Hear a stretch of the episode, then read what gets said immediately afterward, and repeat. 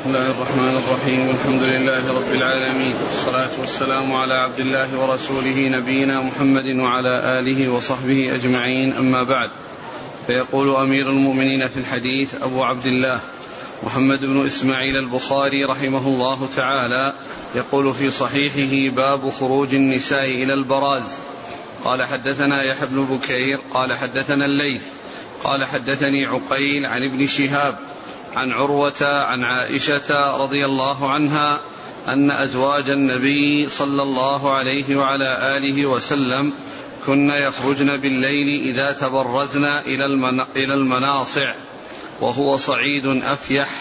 فكان عمر رضي الله عنه يقول للنبي صلى الله عليه وسلم احجب نساءك. فلم يكن رسول الله صلى الله عليه وسلم يفعل.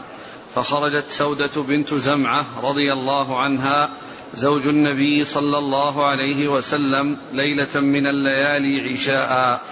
وكانت امرأة طويلة فناداها عمر ألا قد عرفناك يا سودة؟ حرصا على أن على أن ينزل الحجاب. فأنزل الله آية الحجاب. بسم الله الرحمن الرحيم. الحمد لله رب العالمين. وصلى الله وسلم وبارك على عبده ورسوله نبينا محمد وعلى آله وأصحابه أجمعين أما بعد فيقول الإمام البخاري رحمه الله باب خروج النساء إلى البراز. نعم. باب خروج النساء إلى البراز. أي إلى إلى الأماكن الخالية أو الأماكن البارزة التي يتبرز فيها ويقضى فيها تقضى فيها الحاجة وذلك وهو مثل الخلاء. يعني المكان الذي كانوا يذهبون إليه المكان الخالي ليقضوا, ليقضوا حوائجهم. فكذلك يقال في البراز أي في أماكن بارزة يتبرزون بها يقضون بها حوائجهم. و وأورد هذا الحديث عن عائشة رضي الله عنها أن نساء النبي صلى الله عليه وسلم كن يخرجن إلى البراز يعني لقضاء حاجات حاجتهن وأن عمر رضي الله تعالى عنه وأرضاه وكان يعني وقد رأى عمر رضي الله عنه سودة بن زمعة وقال قد عرفناك يا سودة وكان قد عرض على النبي صلى الله عليه وسلم أن يحجب نساءه. وقد نزلت آية الحجاب في احتجابهن وسترهن وجوههن. ثم بعد ذلك كان عمر رضي الله عنه يرى أو يريد أن لا يحصل من النساء أن يخرجن زيادة في تسترهن وعدم خروجهن لقضاء الحاجة. فالنبي صلى الله عليه وسلم أذن لهن يعني لم يجبه إلى ذلك لما تدعو إليه الضرورة. ولكنه لما اتخذت البيوت الكنف في البيوت استغنينا عن ذلك كما جاء في حديث عائشة الآخر رضي الله عنها أنه كنا يفعلن ذلك لحاجتهن وضرورتهن. ولما اتخذت الكنف في البيوت تركنا ذلك وصرنا يقضين حاجتهن في بيوتهن.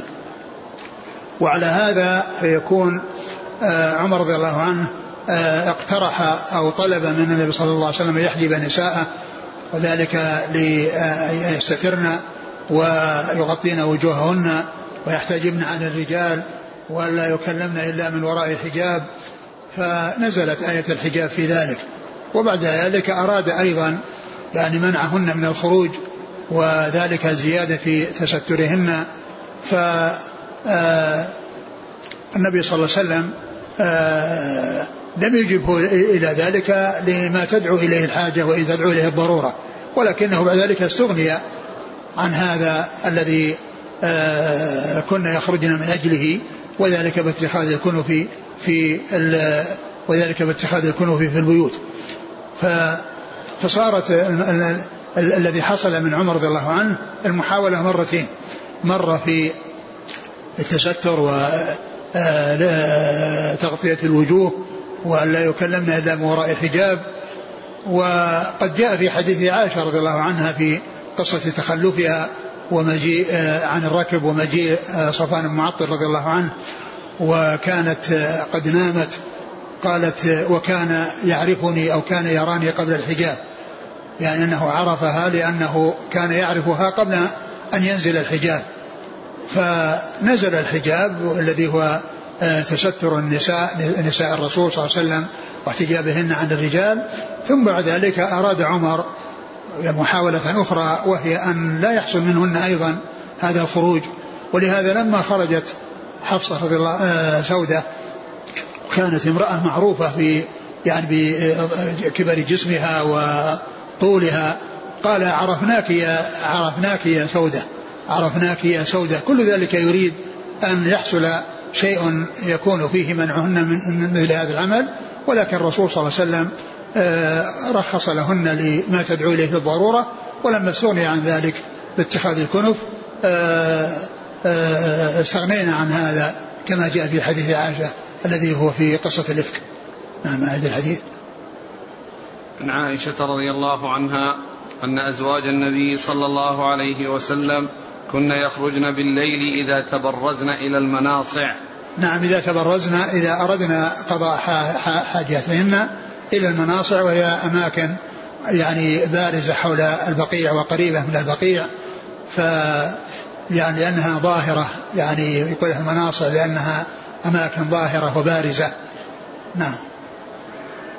وهو صعيد أفيح. وهو صعيد يعني المناصع هذا تفسير من عائشة. يعني المناصع المقصود بها صعيد أفيح يعني مكان واسع. نعم. فكان عمر يقول للنبي صلى الله عليه وسلم احجب نساءك. نعم. فلم يكن رسول الله صلى الله عليه وسلم يفعل. فخرجت سودة بنت زم... عدم الفعل يعني كان لا يريد أن يكون في مشقة أو لماذا؟ لا لأنه ما جاء عنده وحي لأنه كان يعني يعني ينتظر الوحي أو أنه يعني ينزل عليه وحي في ذلك فلما نزل الوحي يعني حصل منه يعني آه، أمرهن بالحجاب. نعم. فلم يكن رسول الله صلى الله عليه وسلم يفعل فخرجت سودة بنت زمعة زوج النبي صلى الله عليه وسلم ليلة من الليالي عشاء. وهذا يعني معناه خروجهم في الليل يعني من الليل إلى الليل يعني وذلك في الظلام ففيه تستر من جهة الظلام وكذلك من جهة يعني آه، إن يكون يعني يكون في الليل وفي الظلام بحيث لا يعرفنا ولكن سودة كانت يعني كبيرة و يعني ذات جسم وطويلة فقال عرفناك يا سودة يعني بهيئتها كل ذلك يريد يعني أن يحصل شيء فيه منعهن. وهذا في المرة الثانية وإلا في المرة الأولى نزل ولهذا قال بعد ما احتجبت بعد ما حصل الحجاب والتستر ولكن هذا يريد أيضا حتى الخروج يريد أن لا يحصل هذا الشيء لأمهات المؤمنين. نعم. وكانت امرأة طويلة فناداها عمر قد ألا قد عرفناك يا سودة؟ حرصا على أن ينزل الحجاب فأنزل الله آية الحجاب. نعم. شوف كلام الحافظ بن حجر في هذا. قال إنه مرتين. إن المحاولة حصلت من الرسول من عمر رضي الله عنه مرتين. مرة للتستر وتغطية الوجوه ولا يكلمنا إلا أمر الحجاب ومرة في هذا الذي حصل أخيرا لسودة من من ناحية أنها لا تخرج أو انهن لا يخرجن نعم. قوله احجب أي امنعهن من الخروج من بيوتهن. هذه المرة الأخيرة. هذه الأخيرة. نعم. بدليل أن عمر بعد نزول آية الحجاب قال لسودة ما قال كما سيأتي قريبا. نعم. ويحتمل أن يكون أراد أولا الأمر بستر وجوههن. فلما وقع الأمر بوفق ما أراد أحب أيضا أن يحجب أشخاصهن مبالغة في التستر. فلم يجب لأجل الضرورة وهذا أظهر الاحتمالين. وقد نعم. كان عمر يعد نزول آية الحجاب من موافقاته كما سيأتي في تفسير سورة الأحزاب. يعني موافقاته رضي الله عنه لأنه كان ملهما يقول الشيء ثم يعني يأتي الوحي وفقا لما يعني قاله عمر ولما اقترحه عمر. وهذا في يعني في مسائل عديدة يقال لها موافقات عمر. منها مسألة الحجاب ومنها اتخاذ مقام إبراهيم مصلى ومنها آه، ما يتعلق بالطاعون يعني آه، والدخول على الطاعون أو عدم الدخول. ولما ذهب إلى الشام وكان الصحابة انقسموا قسمين أحد يقول ادخل ولا تفر من قدر الله وبعضهم يقول لا تدخل ولا تعرض أصحاب الرسول صلى الله عليه وسلم للموت. فاستشار الصحابة ولم يتفقوا على شيء ثم إنه عزم على أن يرجع ومال ورأى عدم الدخول. فبعض الذين يرون الدخول مثل أبي عبيدة قال أتفر من قدر الله يا أمير المؤمنين؟ قال لو غيرك قالها يا أبا عبيدة نفر من قدر الله إلى قدر الله. نفر من قدر الله إلى قدر الله. وكان عبد الرحمن بن عوف معهم ولكنه كان ذهب في حاجة. ولم ولم يكن حضر المحاورة والكلام في آه، والمشاورة. ولما رجع وعلم بالذي حصل قال عندي علم فيها عن رسول الله صلى الله عليه وسلم. فثم حدث بالحديث إذا وقع الطاعون وأنتم في بلد فلا تخرجوا فرارا منه وإذا وقع في بلد فلا تدخلوا عليه. فأخبر عمر رضي الله عنه بهذا فصار هذا الذي مال إليه وهذا الذي اختاره من الرأيين مطابقا لما جاءت به السنة عن رسول الله صلى الله عليه وسلم التي كانت عند عبد الرحمن بن عوف ولم يكن أحد يعرفها. فيعني فرح عمر رضي الله عنه لما بلغه الحديث وأن اجتهاده ورأيه وقع مطابقا لحديث رسول الله صلى الله عليه وسلم. فهذا من موافقاته. يعني وهذا يعد اللي هو الحجاب واتخاذ الحجاب. هو مما اقترحه عمر ونزل الوحي به فهذا يعتبر من موافقاته. ولهذا النبي صلى الله عليه وسلم قال قد كان في الأمم قبلكم محدثون فإن يكن في أمتي أحد فإنه عمر. وذلك أنه يعني يجري الحق على لسانه ويقول الشيء يعني فيكون موافقا للحق. يعني يلهم يلهم الصواب ويلهم الحق فيقول به ثم يتبين بأن هذا الذي قاله موافقا لما ثبت ثبتت به السنة عن رسول الله صلى الله عليه وسلم. نعم. وكان يعد ذلك موافقاته.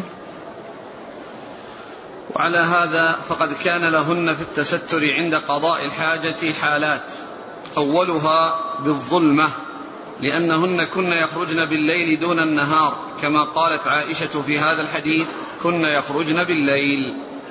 وسيأتي في حديث عائشة في قصة الإفك فخرجت, فخرجت معي أم مسطح قبل المناصع وهو متبرزنا وكنا لا نخرج إلا ليلا إلى ليل.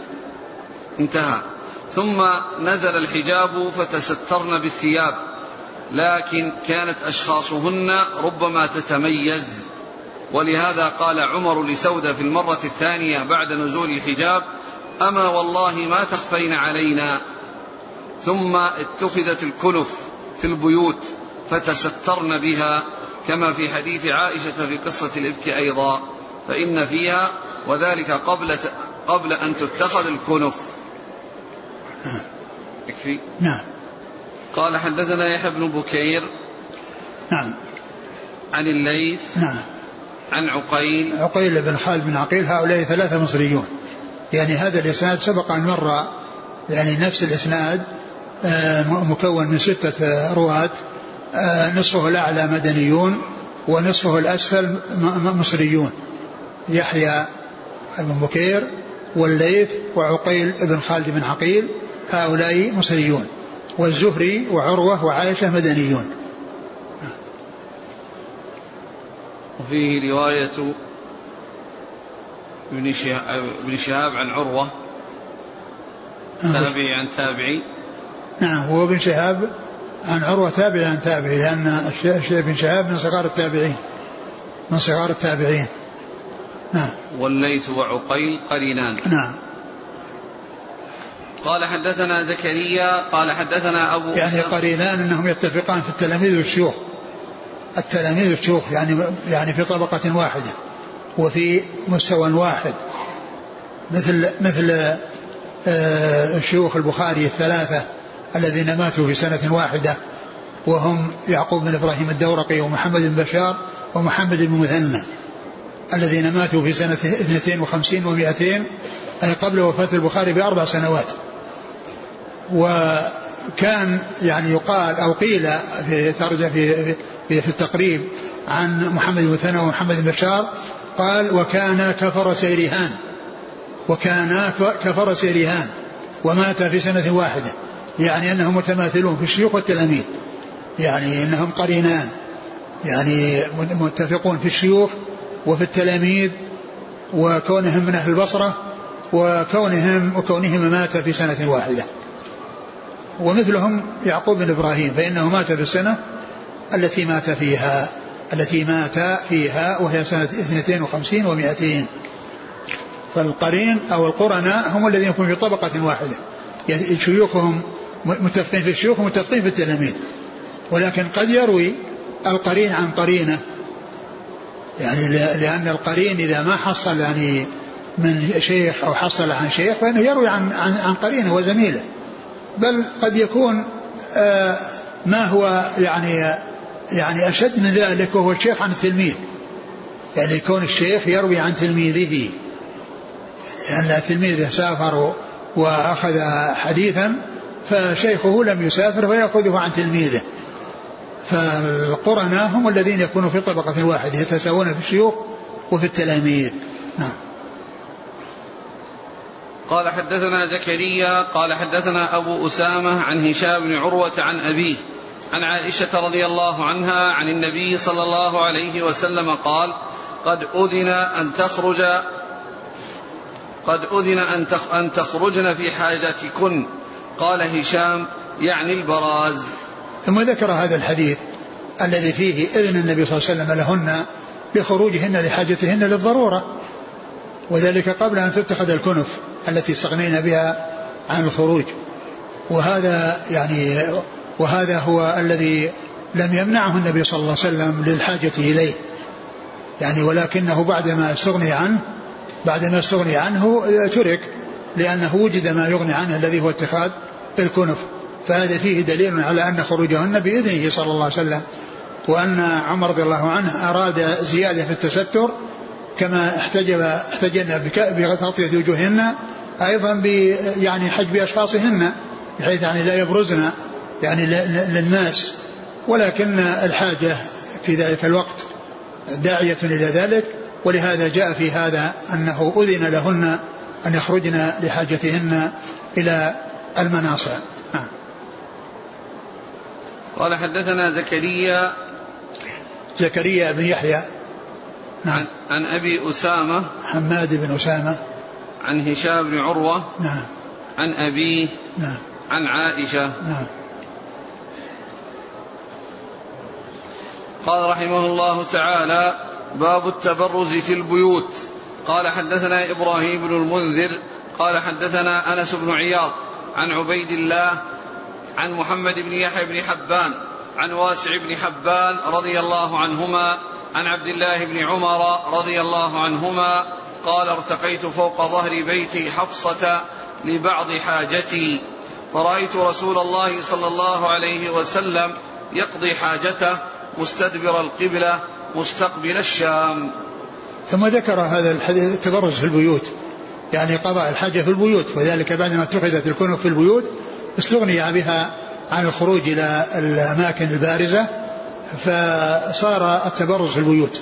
فلما ذكر التبرز في المناصع وأنه حصل أولا وأنه بعد ذلك استغني عنه باتخاذ الكنف في البيوت فكانوا يتبرزون بها ويقضون حاجاتهم فيها دون حاجة إلى خروج وبروز إلى أماكن بارزة.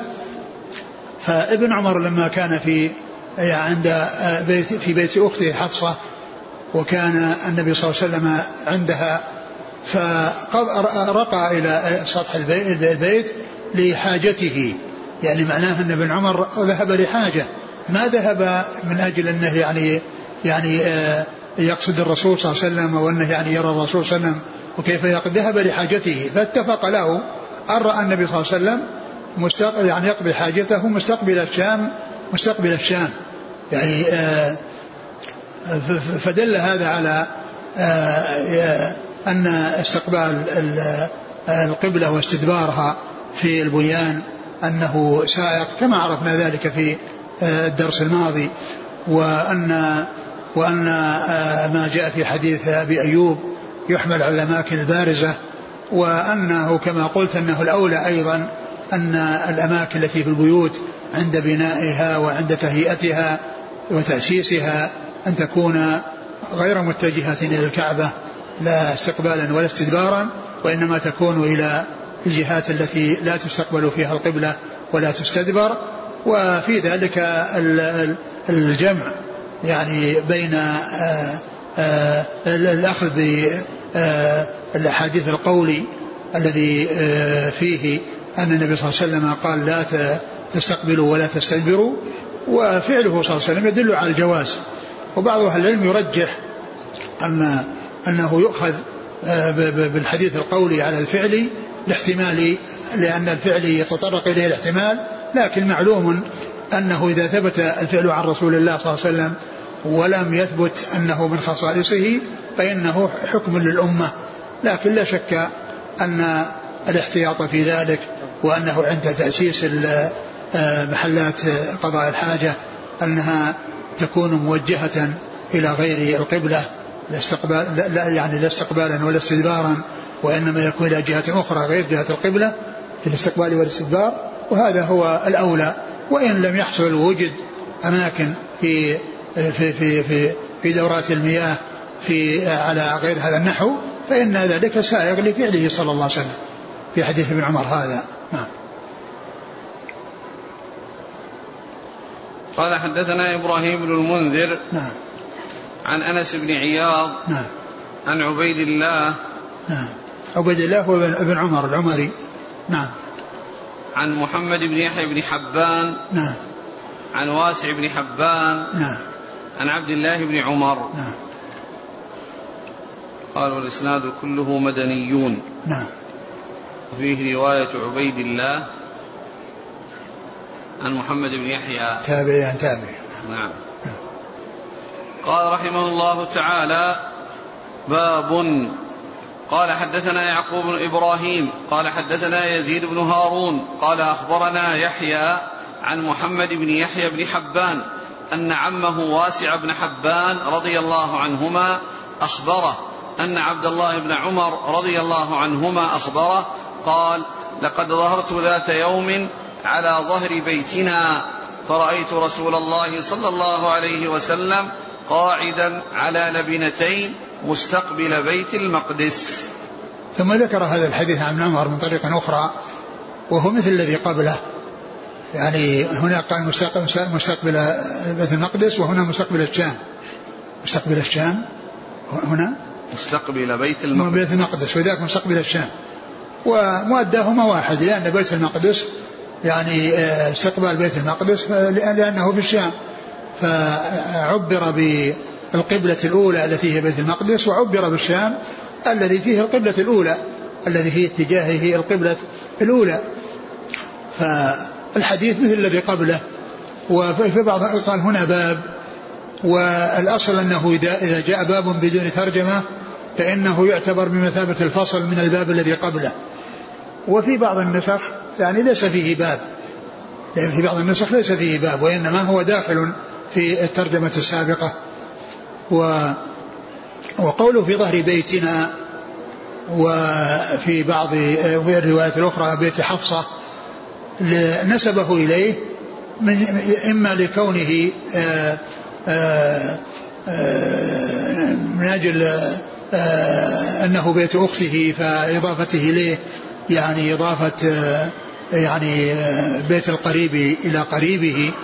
وقيل أنه أيضا آل إليه في الميراث لأن حفصة رضي الله عنها ورثها أخوها وكان يعني هو الأخ الشقيق لها يعني دون بقية إخوانه. فيكون إما باعتبار ما آل إليه الأمر أو باعتبار أن المكان الذي هو لأخته كأنه له وأن الإنسان قد يضيف إلى نفسه مكان قريبه أو بيت قريبه لصلته به ولقوة الصلة بينه وبين ذلك القريب. فيكون احتمال يعني إضافة قوله بيتنا وإنما هو بيت أخته حفصة إما لهذا وإما لهذا. نعم. قال حدثنا يعقوب بن إبراهيم. هذا يعقوب بن إبراهيم الدورقي هذا الذي آه ذكرت أنه آه مع محمد بشار ومحمد المثنى آه آه من شيوخ أصحاب الكتب الستة وأنهم الثلاثة ماتوا في سنة واحدة وهي سنة 52 و200 فالثلاثة من صغار شيوخ البخاري وهم شيوخ لأصحاب الكتب الستة. وهم شيوخ لأصحاب الكتب الستة. وشيوخ أصحاب الكتب الستة يعني الذين روى خرج عنهم أصحاب الكتب الستة تسعة. الذين اتفق أصحاب الكتب الستة على إخراج حديثهم وهم من مشايخهم. منهم هؤلاء الثلاثة. هؤلاء الثلاثة ومحمد بن العلاء أبو كريب وعمرو بن علي الفلاس ويعني وزياد بن يحيى النكري و و زياد بن يحيى النكري عبيد الله بن سعيد الأشج. وعبيد الله بن سعيد الأشج. محمد بن معمر البحراني. محمد بن معمر البحراني. ونصر بن علي. ونصر بن علي الجهضمي. هؤلاء تسعة خرج عنهم أصحاب الكتب الستة. أما قتيبة فإنه خرج عنه خمسة منهم. ولم يخرج له ابن ماجه إلا بواسطة فلهذا لم يعد من شيوخه. قتيبة من رجال ابن ماجه ولكنه بينه وبينه واسطة روى عنه بواسطة فلهذا لا يعد من شيوخه. وأما هؤلاء التسعة فإنهم رووا عن هؤلاء الستة عن هؤلاء التسعة مباشرة وبدون واسطة. نعم. عن يزيد بن هارون نعم يزيد بن هارون الواسطي. عن يحيى. يحيى بن سعيد الأنصاري. عن محمد بن يحيى بن حبان عن عمه واسع بن حبان عن عبد الله بن عمر. نعم. واسع سبق أن ذكرنا أنه قيل أنه صحابي. قيل أنه صحابي نعم. يعني فيكون يعني معناه أنه يصير في ثلاثة لأن يحيى بن سعيد الأنصاري هذا تابعي صغير. وعبيد الله بن عمر العمري تابعي صغير. والزه... نعم. عبيد الله في الاسناد الأول. اي الأول اللي راح في الاسناد الأول. وكذلك هذا الذي هو الزهري أيضا تابعي صغير. نعم. قال رحمه الله تعالى باب الاستنجاء بالماء. قال حدثنا أبو الوليد هشام بن عبد الملك. قال حدثنا شعبة عن أبي معاذ واسمه عطاء بن أبي ميمونة. قال سمعت أنس بن مالك رضي الله عنه يقول كان النبي صلى الله عليه وعلى آله وسلم إذا خرج لحاجته أجيء أنا وغلام معنا أجيء أنا وغلام معنا إداوة من ماء يعني يستنجي به. ثم ذكر الاستنجاء بالماء. الاستنجاء هو ماخوذ من النجو وهو القطع.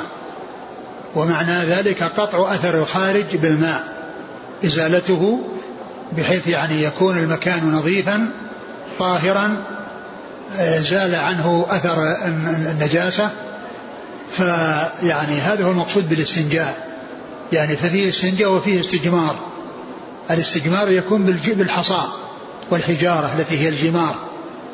لأن الحصى يقال لها جمار. ومنه رمي الجمار في الحج لأن فيه الحصيات. فالاستجمار هو إزالة الخارج أو أثر الخارج بالحجارة أي الجمار. والاستنجاء يعني إزالته بالماء إزالته بالماء. يعني يستنجي بالماء يزيل أثر الخارج بالماء. فهنا الاستنجاء بالماء. يعني والأصل هو أن الماء هو الذي فيه الطهارة وفيه التطهير. وبعض أهل العلم قال إنه لا يستعمل الماء في هذا لأنه مطعوم. يعني فيكون في ذلك احتراما له يعني وعدم استعماله في هذه الأمور. ولكن جاءت السنة في ذلك عن رسول الله صلى الله عليه وسلم. و يعني فلا بأس به. يعني سواء استعملت الحجارة أو استعمل الاستثمار كل ذلك يحصل به المقصود والحديث فيه آه، ما ترجم له المصنف وهو الاستنجاء بالماء أي استعماله عند قضاء الحاجة لإزالة الآثار المتبقية بعد قضاء الحاجة سواء كان من القبل أو الدبر. قال كان قال أنس كنت؟ كان النبي صلى الله عليه وسلم إذا خرج لحاجته أجيء أنا وغلام معنا إداوة من ماء. كان إذا خرج لحاجته يعني يقضي حاجته. يخرج ومعه غلام آخر معهم إداوة من ماء. الإداوة هي يعني وعاء من جلد يعني يكون فيه ماء. يعني فيذهبون ويجعلونها عنده صلى الله عليه وسلم يعني حتى يعني يستنجي بها وحتى يتوضأ عليه الصلاة والسلام. فقال فيستنجي. قال يعني يستنجي به. نعم يعني يستنجي به. يعني عند قضاء الحاجة يستنجي به فيضعونه عنده عليه الصلاة والسلام فيستعمله عند الفراغ من قضاء حاجته. نعم. قال حدثنا أبو الوليد هشام بن عبد الملك. هو الطيالسي. نعم. عن شعبة نعم. عن أبي معاذ واسمه عطاء بن أبي ميمونة. نعم وهذا تابعي اسمه عطاء وقد خرج له أصحاب الكتب إلا الترمذي. سبق أن مر بنا في الدرس الماضي أن هناك ثلاثة من التابعين كلهم يقال لهم عطاء ويروون عن الصحابة وخرج لهم أصحاب الكتب. وهم عطاء بن يسار وعطاء بن يزيد الليثي وعطاء بن أبي رباح. وهذا رابع خرج له أصحاب الكتب إلا الترمذي. نعم. عن أنس. نعم. والإسناد كله بصريون. نعم. قال رحمه الله تعالى باب من حمل معه الماء لطهوره. وقال أبو الدرداء رضي الله عنه أليس فيكم صاحب النعلين والطهور والوساد؟ قال حدثنا سليمان بن حرب. قال حدثنا شعبة عن أبي معاذ هو عطاء بن أبي ميمونة. قال سمعت أنسا رضي الله عنه يقول كان رسول الله صلى الله عليه وسلم إذا خرج لحاجته تبعته أنا وغلام منا معنا إداوة من ماء. ثم ذكر آه، باب حمل. باب من حمل معه الماء لطهوره. باب من حمل معه الماء لطهوره. حمل حمل معه الماء لطهوره. لطهوره يعني لتطهره. لتطهره لأن الطهور هنا المقصود بالفعل. لأن إذا كانت آه، المضموم الأول يصول في الفعل وإذا كان مفتوح يكون به الشيء المستعمل. وضوء ووضوء وطهور وطهور. يعني لطهوره للتطهر به. وعقد هذه الترجمة وقال فيه حمل الماء. هناك ذكره من أجل الاستنجاء لأن كما يقولون فقه البخاري في تراجمة لأن تراجمة تشتمل على فقه. وفي الأولى ذكر الاستنجاء بالماء ترجمة للاستنجاء بالماء والحديث واحد. والحديث واحد. في الأول أتى به من أجل الاستنجاء بالماء وأنه يستنجى بالماء وأنه لا بأس بذلك وأنه فعله الرسول صلى الله عليه وسلم. والثاني ذكره من أجل الخدمة. وأن أن أن أن أن أن, أن, أن, أن الإنسان يعني يخدم غيره وأن الأحرار يعني يستخدمون يعني آه، آه، في آه، الكبار والناس الذين لهم منزلة ومكانة. فهو هو يخدم النبي صلى الله عليه وسلم فهم خدموا للنبي صلى الله عليه وسلم فأورده من أجل الحمل وأنهم يقومون بالحمل ويقومون بالخدمة ويقومون بهذه المهمة.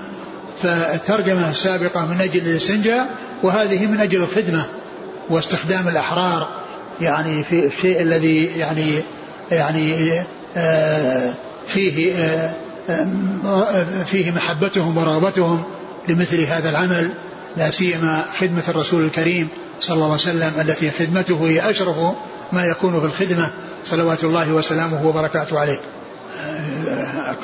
كنا قال باب من حمل معه معه الماء لطهوره. نعم. وقال أبو الدرداء أليس فيكم صاحب النعلين والطهور والوساد؟ نعم. هذا يعني قول أبو الدرداء أليس فيكم؟ يقصد ابن مسعود صاحب النعلين يعني النعلين هي للرسول صلى الله عليه وسلم ولكنه كان يخدم النبي صلى الله عليه وسلم فيحمل النعلين ويحمل الطهور يحمل الماء فهو يعني فقالوا يحتمل أن يكون آه أن يكون هذا الذي مع آه أنس هو ابن مسعود الذي ثبت أنه كان يخدم النبي صلى الله عليه وسلم مثل ما كان. و ومسعود من من المهاجرين وليس من الأنصار. ويعني وعلى هذا فيكون قول منا يعني ليس مقصود من الأنصار إذا كان مقصود من مسعود. وذلك أنه منا يعني من الصحابة. أو من الأنصار بالمعنى العام الذي هو يدخل فيه المهاجرون لأن المهاجرين هم أنصار وزيادة لأن المهاجرين أفضل من الأنصار لأنهم جمعوا بين الهجرة والنصرة فعندهم ما عند الأنصار وهو النصرة وزيادة الهجرة التي ليست عند الأنصار. ولهذا يطلق على الصحابة رضي الله عنهم المهاجرين منه والأنصار كلهم أنصار الرسول صلى الله عليه وسلم. والله أخبر في القرآن أن المهاجرين خرجوا للنصرة. قال الفقراء المهاجرين يخرجون من ديارهم وأموالهم يبتغون فضلا من الله ورضوانه وينصرون الله ورسوله. وينصرون هذه مهمتهم. خرجوا من أجل النصرة. فإذا عندهم ما عند الأنصار وزيادة. ولهذا كانوا أفضل منهم. المهاجرون أفضل من الأنصار. ولهذا قال عن الأنصار ولا يجدون في صدورهم حاجة مما أوتوا. يعني ما أوتي المهاجرون من الفضل لا يجدون في صدورهم شيئا منه لأن ذلك فضل الله يؤتيه من يشاء. وهم جمعوا بين الهجرة والنصرة. فعلى هذا يعني يكون منا يعني من الصحابة أو من الأنصار الذي هو بالمعنى العام. نعم. قال أليس فيكم صاحب النعلين والطهور والوساد؟ نعم يعني الذي يعني يجلس عليه النبي صلى الله عليه وسلم. لأن الوساد يطلق على الفراش الذي يفترش ويجلس عليه. نعم. ثم ذكر حديث أنس كان صلى الله عليه وسلم إذا خرج لحاجته تبعته أنا وغلام منا نعم كلمة منا يحتمل يكون من الأنصار ويحتمل يكون من غيرهم واحتمال أنه ابن مسعود الذي جاء في هذا الذي ذكره البخاري في الأول يعني على اعتبار أنها آه، من الأنصار بمعنى العام الذي هو نصرة الرسول صلى الله عليه وسلم التي يشترك فيها المهاجرون والأنصار. معنا إداوة من ماء. نعم. نفس مثل الذي مر. نعم. من جلد. نعم. قال حدثنا سليمان بن حرب. نعم. عن شعبة. نعم. عن أبي معاذ عطاء بن ميمونة. نعم. عن أنس بن مالك. وهذا بصريون أيضا. نفس الإسناد بصريون مثل الذي قبله. نعم. قال رحمه الله تعالى باب حمل العنزة مع الماء في الاستنجاء. قال حدثنا محمد بن بشار قال حدثنا محمد بن جعفر قال حدثنا شعبة عن عطاء بن أبي ميمونة أنه سمع أنس بن مالك رضي الله عنه يقول كان رسول الله صلى الله عليه وسلم يدخل الخلاء فأحمل أنا وغلام إداوة من ماء وعنزة يستنجي بالماء. تابعه النضر وشاذان عن شعبة العنزة عصى عليه زج. ثم ذكر هذه هذه الترجمة باب أخذ العنزة. حمل العنزة مع الماء في الاستنجاء. نعم باب حمل العنزة مع ماء الاستنجاء العنزة هي عصا في يعني فيها حديدة يعني تغرز في الأرض أو تحرك بها الأرض محددة. يعني إذا ضربت في الأرض نشبت فيها فصارت العصا واقفة يعني فتتخذ للسترة. إذا توضأ وأراد أن يصلي فإنه يجعلها سترة يعني آه يعني أمامه. آه وقيل إن أن المقصود بها أنها سترة أنها أنها تغرز يعني عنده يعني حتى تكون يعني علامة عليه أن أحد لا يقرب منه. يعني إذا إذا وهو يقضي حاجته وألا يمر أحد يعني من يعني من أمامه وتكون هذه آه، يعني علامة على ذلك يعني والأقرب أنه كان عليه الصلاة والسلام إذا توضأ فإنه يصلي وكان يصلي إلى سترة فتكون العنزة آه، سترة له بحيث يغرزها في الأرض ثم يصلي وهي أمامه سترة له. نعم. أعد. باب حمل العنزة مع الماء في الاستنجاء. نعم. قال أنس رضي الله عنه كان رسول الله صلى الله عليه وسلم يدخل الخلاء فأحمل أنا وغلام إداوة من ماء وعنزة نعم. يستنجي بالماء. نعم. العنزة هذا هو المقصود منها وهي العصا التي في آخرها حديدة محددة يعني تثبت في الأرض إذا غرزت فيها وقيل إنها أيضا تلين بها الأرض إذا كانت صلبة لأن الأرض إذا كانت صلبة قد يعني يكون عند خروج البول يعني يحصل تطاير البول عندما تكون صلبة فإذا يعني آه، يعني صارت الأرض سهلة بسبب تليينها وبسبب تحريك آه، الأرض الصلبة بالماء حتى تصير لينة يعني يذهب فيها الماء ولا تكون صلبة بحيث يتطاير الماء. وذكر عدة وجوه لاستعمال آه، العنزة. يعني إما لاتخاذها سترة في الصلاة أو لاتخاذ كون الأرض تصير رخوة بسببها أو تكون علامة عنده بحيث من رآه يعرف أنه يقضي حاجته حتى لا يأتي إليه أو لا يمر من عنده. عليه الصلاة والسلام. شوف كلام الحافظ في هذه الوجوه التي ذكرها. قال في أول قال يدخل الخلاء قال كان إذا خرج لحاجته ولقرينه ولقرينة إيش؟ ولقرينة حمل العنزة نعم. مع الماء فإن الصلاة إليها إنما تكون حيث لا سترة غيرها نعم. ثم قال وفهم بعضهم من تبويب البخاري أنها كانت تحمل ليستتر بها عند قضاء الحاجة نعم. وفيه نظر لأن ضابط السترة في هذا ما يستر الأسافل والعنزة ليست كذلك. نعم يحتمل أن يركزها أمامه ويضع عليها الثوب الساتر أو يركزها لتكون إشارة إلى منع من يروم المرور بقربه أو تحمل لنبش الأرض الصلبة أو لمنع ما يعرض من هوام الأرض. كونه صلى الله عليه وسلم كان يبعد عند قضاء الحاجة. أو تحمل لأنه كان إذا استنجى توضأ وإذا توضأ صلى. وهذا أظهر الأوجه. نعم. قال حدثنا محمد بن بشار نعم. عن محمد بن جعفر نعم. عن شعبة عن عطاء بن أبي ميمونة عن أنس. وهذا أيضا بصريون. هذه الثلاث الأسانيد المتوالية كلها بصريون. قال تابعه النضر وشاذان عن شعبة. نعم النضر بن شميل. نعم. وشاذان. نعم شاذان هو الأسود بن عامر. نعم. تابعوا محمد بن جعفر عن نعم. شعبة. نعم. العنزة عصا عليه زج. زج يعني حديدة يعني في آخرها في في آخرها يعني حديدة محددة. يعني تحرك الأرض وتثبت في الأرض وتغاص في الأرض. يعني ليست من العصا التي أطرافها متساوية. يعني قد لا تغيب في تغيص في الأرض وقد تسقط. لا هذه بسبب التحديد الذي في الحديدة الذي فيها تغاص في الأرض وتثبت في الأرض. نعم. قال رحمه الله تعالى باب النهي عن الاستنجاء باليمين. قال حدثنا معاذ بن فضالة قال حدثنا هشام هو الدستوائي عن يحيى بن أبي كثير عن عبد الله بن أبي قتادة عن أبيه رضي الله عنه أنه قال قال رسول الله صلى الله عليه وعلى آله وسلم إذا شرب أحدكم فلا يتنفس في الإناء وإذا أتى الخلاء فلا يمس ذكره بيمينه ولا يتمسح بيمينه.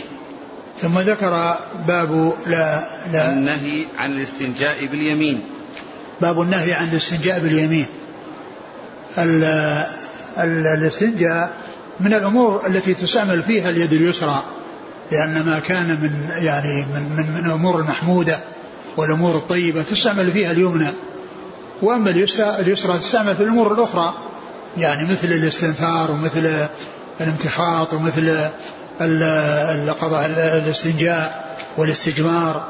إنما تستعمل اليسرى هي التي تباشر التي تباشر يعني ال يعني العضو وتباشر يعني استعمال إزالة ما علق بالذكر أو علق بالدبر إنما يستعمل باليد اليسرى فلا يستعمل اليمنى لذلك.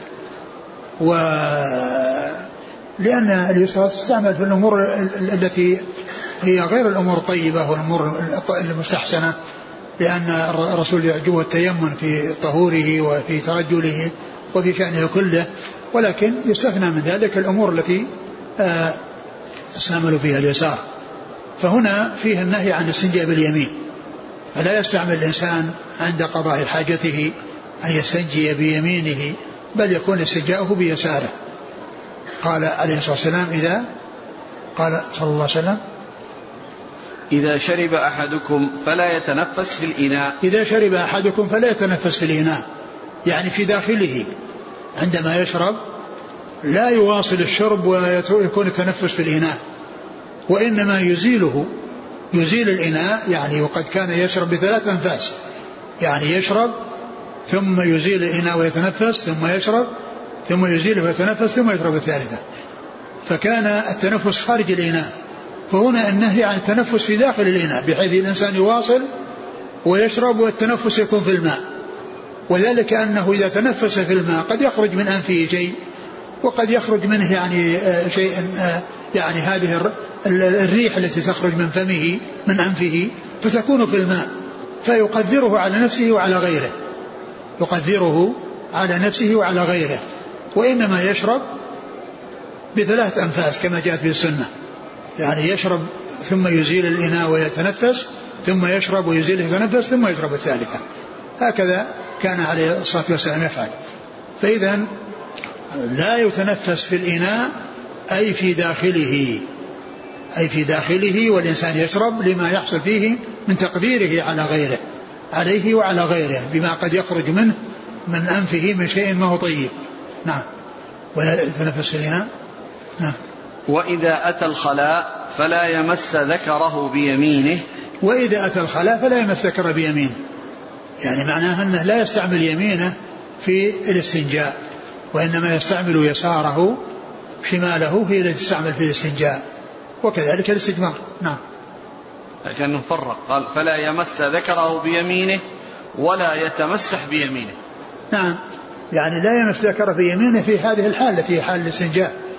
لأنه يعني قد يعني آآ آه، آآ آه، آه، يعني يتمسح يعني معناه أنه يعني يعني يعني يستعمل يمينه في مسح ما يخرج.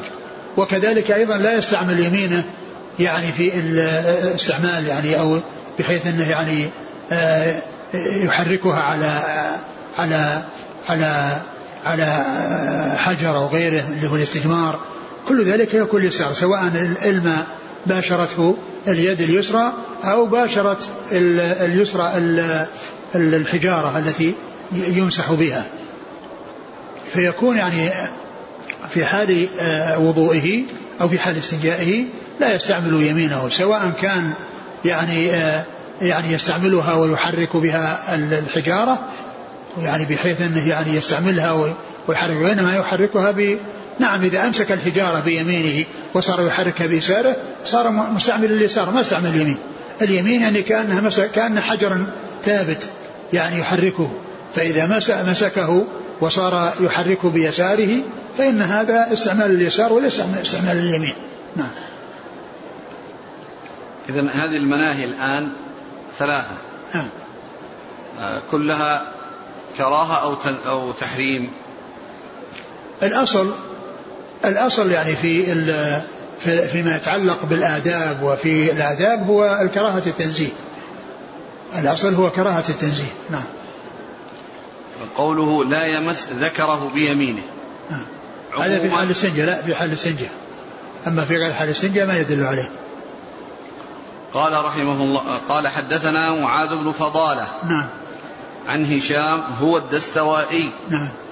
عن يحيى بن أبي كثير. هشام هو الدستوائي يعني كلمة هو الدستوائي هذه ليست من معاذ بن فضالة الذي هو تلميذه وإنما هي من من البخاري أو من من دون البخاري. لأن معاذ بن فضالة الذي هو التلميذ يعني ينسب شيخه كما يريد لكنه إذا اقتصر على بعض نسبته وجاء من بعده يريد أن يوضح ويبين فإنه يأتي بكلمة تدل على ذلك مثل هو أو يعني مثل هو أو يعني نعم.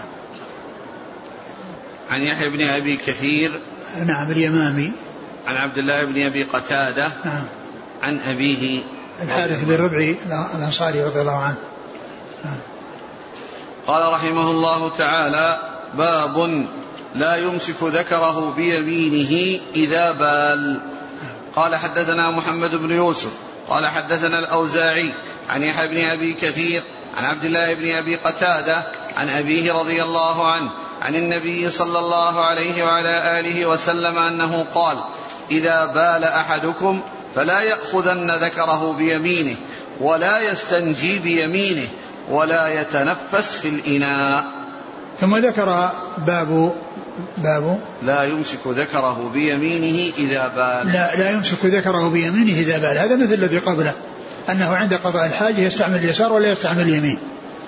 والمنع من استعمال اليمين آه، للذكر إنما هو في حال قضاء الحاجة وفي حال سنجا لتكريمها عن ما يخرج وعن ما يخرج من من بول ومن غائط فلا تستعمل اليمين يعني في ذلك وإنما استعمل اليسار.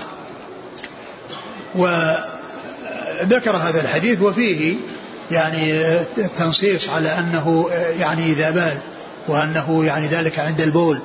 وأما إذا كان في غير بول أو في غير ذلك فإنه لا بأس به. ويدل له الحديث الذي في آه يعني آه آه الذي فيه من مس ذكره فليتوضأ. من مس ذكره فليتوضأ. يعني معناه أن مس الذكر أنه ينقض الوضوء. الذي حديث طلق بن علي. ف أنه ينقض الوضوء. فيكون يعني المنع من ذلك أنه إذا كان عند قضاء الحاجة لما يحصل من, من, من, من التلوث أو تلويث اليمين بالأشياء التي يعني تنزه عنها. لأنها هي التي تستعمل في الأكل وتستعمل في الأمور الطيبة. فإذا كان استعمل فيها استعملها وقد يعني يعني يحصل لها شيء من الوسخ شيء من القدر فيكون يعني عندما يأكل يتذكر ما حصل لها فيكون ذلك في نفسه شيء. لكن إذا كانت اليسار التي تستعمل يستعمل فيها ذلك و فإن لا يحصل هذا المحذور الذي يعني يكون في استعمال اليمين. قال إذا حديث إذا بال أحدكم فلا يأخذن ذكره بيمينه. نعم. فلا يأخذ فلا يأخذن ذكره بيمينه. نعم. لا يمسكه بيمينه.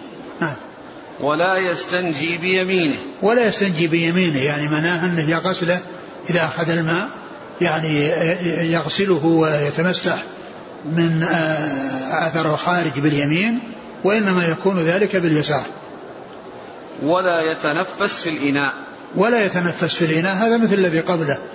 وإنما ذكر يعني ذكر التنفس مع وإنما ذكر التنفس ذكر الشرب والتنفس في الماء الذي يشرب مع ما يتعلق في هذا الباب. فالمناسبة في ذلك أن الإنسان قد يبقى يعني من الماء الذي يستعمله في في الاستنجاء وفي الوضوء. يبقى منه شيء فيشربه. وقد كان عليه الصلاة والسلام في بعض الأحيان يشرب فضل وضوءه فيعني فلما كانت هذه المناسبة وأنه قد يحصل الشرب يعني بعد الوضوء وبعد استعمال الماء لقضاء الحاجة وأن النبي صلى الله عليه وسلم فعل ذلك فأرشد عليه الصلاة والسلام إلى أنه لا يتنفس في الإناء أنه لا يتنفس في الإناء يعني معناه أنه احتمال أو, أو بصدد أن يشرب شيء ما بقي منه من الماء فنبه عليه الصلاة والسلام إلى عدم التنفس في الإناء وهذا من الآداب التي فيها المحافظة على الماء من أن يقدره على نفسه أو يقدره على غيره بخروج شيء من أنفه عند تنفسه فيه حيث يواصل الشرب ولا يبين القدح عن فمه ليتنفس خارجه يكون ذلك في الإناء. فمن أجل ذلك جاء ذكر هذه الجملة أو ذكر هذا الحكم متصلا بهذه بهذه المسائل المتعلقة في هذا الباب. نعم. قال حدثنا محمد بن يوسف نعم. عن الأوزاعي. نعم عبد الرحمن بن عمرو. عن يحيى بن أبي كثير عن عبد الله بن أبي قتادة عن أبيه. نعم. والله تعالى أعلم وصلى الله وسلم وبارك على عبده ورسوله نبينا محمد وعلى آله وأصحابه أجمعين. جزاكم الله خيرا. وبارك الله فيكم. ألهمكم الله الصواب ووفقكم للحق. نفعنا الله ما سمعنا وغفر الله لنا ولكم وللمسلمين أجمعين. آمين. النهي عن التنفس في الإناء. حتى ولو كان الإناء خاص وله لن يشرب أحد بعده؟ والله كذلك لأنه قد يحصل من شيء لنفسه قد يحصل ضرر منه عن نفسه لأن التعليل ليس خاصا بغيره قد يحصل منه شيء يعني آه يعني آه يقدره على نفسه. نعم يعني هذا يعني آه هذا يعني كما هو معلوم في شيء يعني أين يتنفس فيه يعني يلحق قد يخرج منه شيء. فالأمر يعني لا يخص غيره بل أيضا يتعلق به لأنه يقدره على نفسه إذا خرج شيء وقد يريقه وقد يتخلص منه بسبب هذا الفعل الذي فعله. يقول كذلك يشمل النهي إذا كان الطعام حارا وأراد الإنسان أن ينفخ فيه ليبرد. كذلك أيضا لا ينفخ في الطعام وقد جاء ما يدل يعني على ذلك وإنما يصبر حتى يبرد. في حديث أنس قال فأحمل أنا وغلام نحوي. يعني قريب منه. نحوي يعني قريب منه في السن. فقوله كيف يفسر بعبد الله بن مسعود؟ كان كبير السن. لا ما يفسر به. لا ما يفسر به لأن يعني على اعتبار أنه واحد من الأنصار. هو جاء يعني في ذكر الحافظ بن حجر احتمال ابن مسعود واحتمال أبي هريرة واحتمال جابر. وقد يكون يعني أحد من الأنصار قريب منه في السن. خروج المرأة لحضور حلق العلم وحضور الجماعة هل هو من الحاجة المذكورة في الحديث؟ الحديث هذا جاء في حديث آخر. لا تمنعوا إماء الله مساجد الله. لا تمنعوا إماء الله مساجد الله. فإذا جاءت المسجد لتصلي أو لتسمع يعني علم أو تسمع يعني نصيحة أو توجيه أو غير ذلك ف أقول جاء ما يدل على ذلك. هل الجمع بين الماء والاستجمار يعتبر من الغلو في الوضوء؟ يعني يبدو أنه لا حاجة إليه. لا حاجة إليه. ونعم إذا كان ال ال الاستجمار قد يحتاج إليه قد يحتاج إليه إذا كان شيء موجود له جرم. يعني بدل أن تباشره يده فإنه يباشره بالحجارة حتى يزول. لأنه قد يحتاج إلى الاستجمار يعني من أجل إزالة الشيء اللي له جرم. أما كون المكان يعني ما يحتاج إلا إلى ماء فإنه لا يجمع بين بينهما. إن إن كان الأمر شيء فيه جرم ولا يريد أن تصل ويريد أن يحفظ يده من أن تباشر هذا الجرم بيده فيعني إذا كان في في في فضاء وعنده حجارة فإنه يستعمل. أما كون الحجارة تحضر لدورات المياه فهذا من التكلف.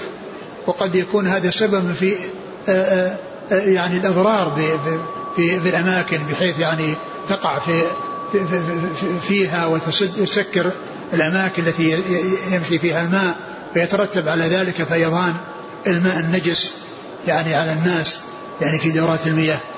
الحاصل أنه يكتفى بالاستجمار عن الاستنجاء والاستنجاء عن الاستجمار إلا إذا كان هناك جرم خارج من الدبر ويراد إزالته فإنه بإزالته إذا استعمل الحجارة بدل من مباشرة يده هذا طيب. خطاب أبي الدرداء فيكم صاحب النعل من يخاطب؟ يخاطب الصحابة. عموما ولا أهل الكوفة أو يمكن يمكن يمكن. يعني يمكن أن أهل الكوفة الذي فيهم مسعود يخاطب الناس الموجودين. نعم. جزاكم الله خيرا. سبحانك اللهم وبحمدك.